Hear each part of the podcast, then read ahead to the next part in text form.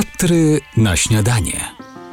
Dzisiaj zapraszam w Tatry Zachodnie i jeden z piękniejszych szlaków na jesienne wędrówki.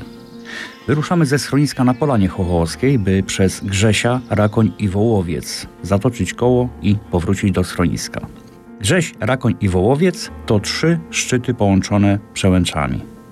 Początek wiedzie leśnym odcinkiem szlaku na Bobrowiecką Przełęcz i dalej na przełączkę pod Grzesiem, by po kilkudziesięciu minutach wyjść ponad linię lasu.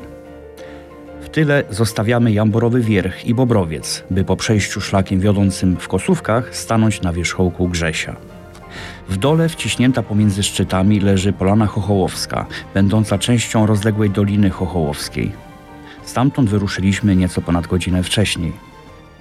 Idąc nieco dalej w stronę Rakonia, jest dobrze widoczna po słowackiej stronie Rochacka Dolina i droga biegnąca do Tatliakowej Chaty, schroniska czynnego sezonowo.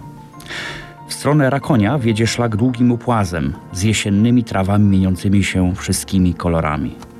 Powyżej, w porannym słońcu i szronie na trawach, błyszczy wołowiec.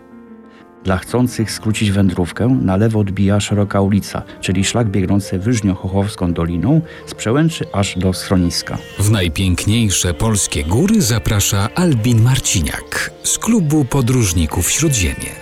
Dla wszystkich, którzy zechcą stanąć na wierzchołku Wołowca, gwarantuje niesamowite widoki. W oddali zobaczymy Skrzyczne, a w porannych mgłach schowane jezioro Żywieckie. Bardziej na prawo zaś Babia Góra i pasmo Policy. Oświetlone pan słońcem czerwone wierchy, a za nimi grań Tatr Wysokich. To kolejny piękny widok, jaki nam ukazują Tatry o poranku.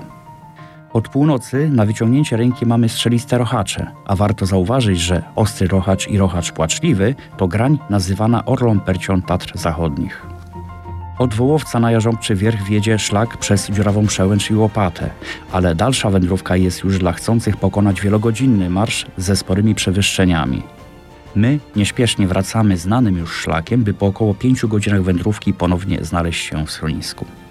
Jesień w Tatrach Zachodnich jest bardzo kolorowa i pozostaje w pamięci na bardzo długo. To zdecydowanie przyjemniejsze niż wpatrywanie się w ekran telewizora.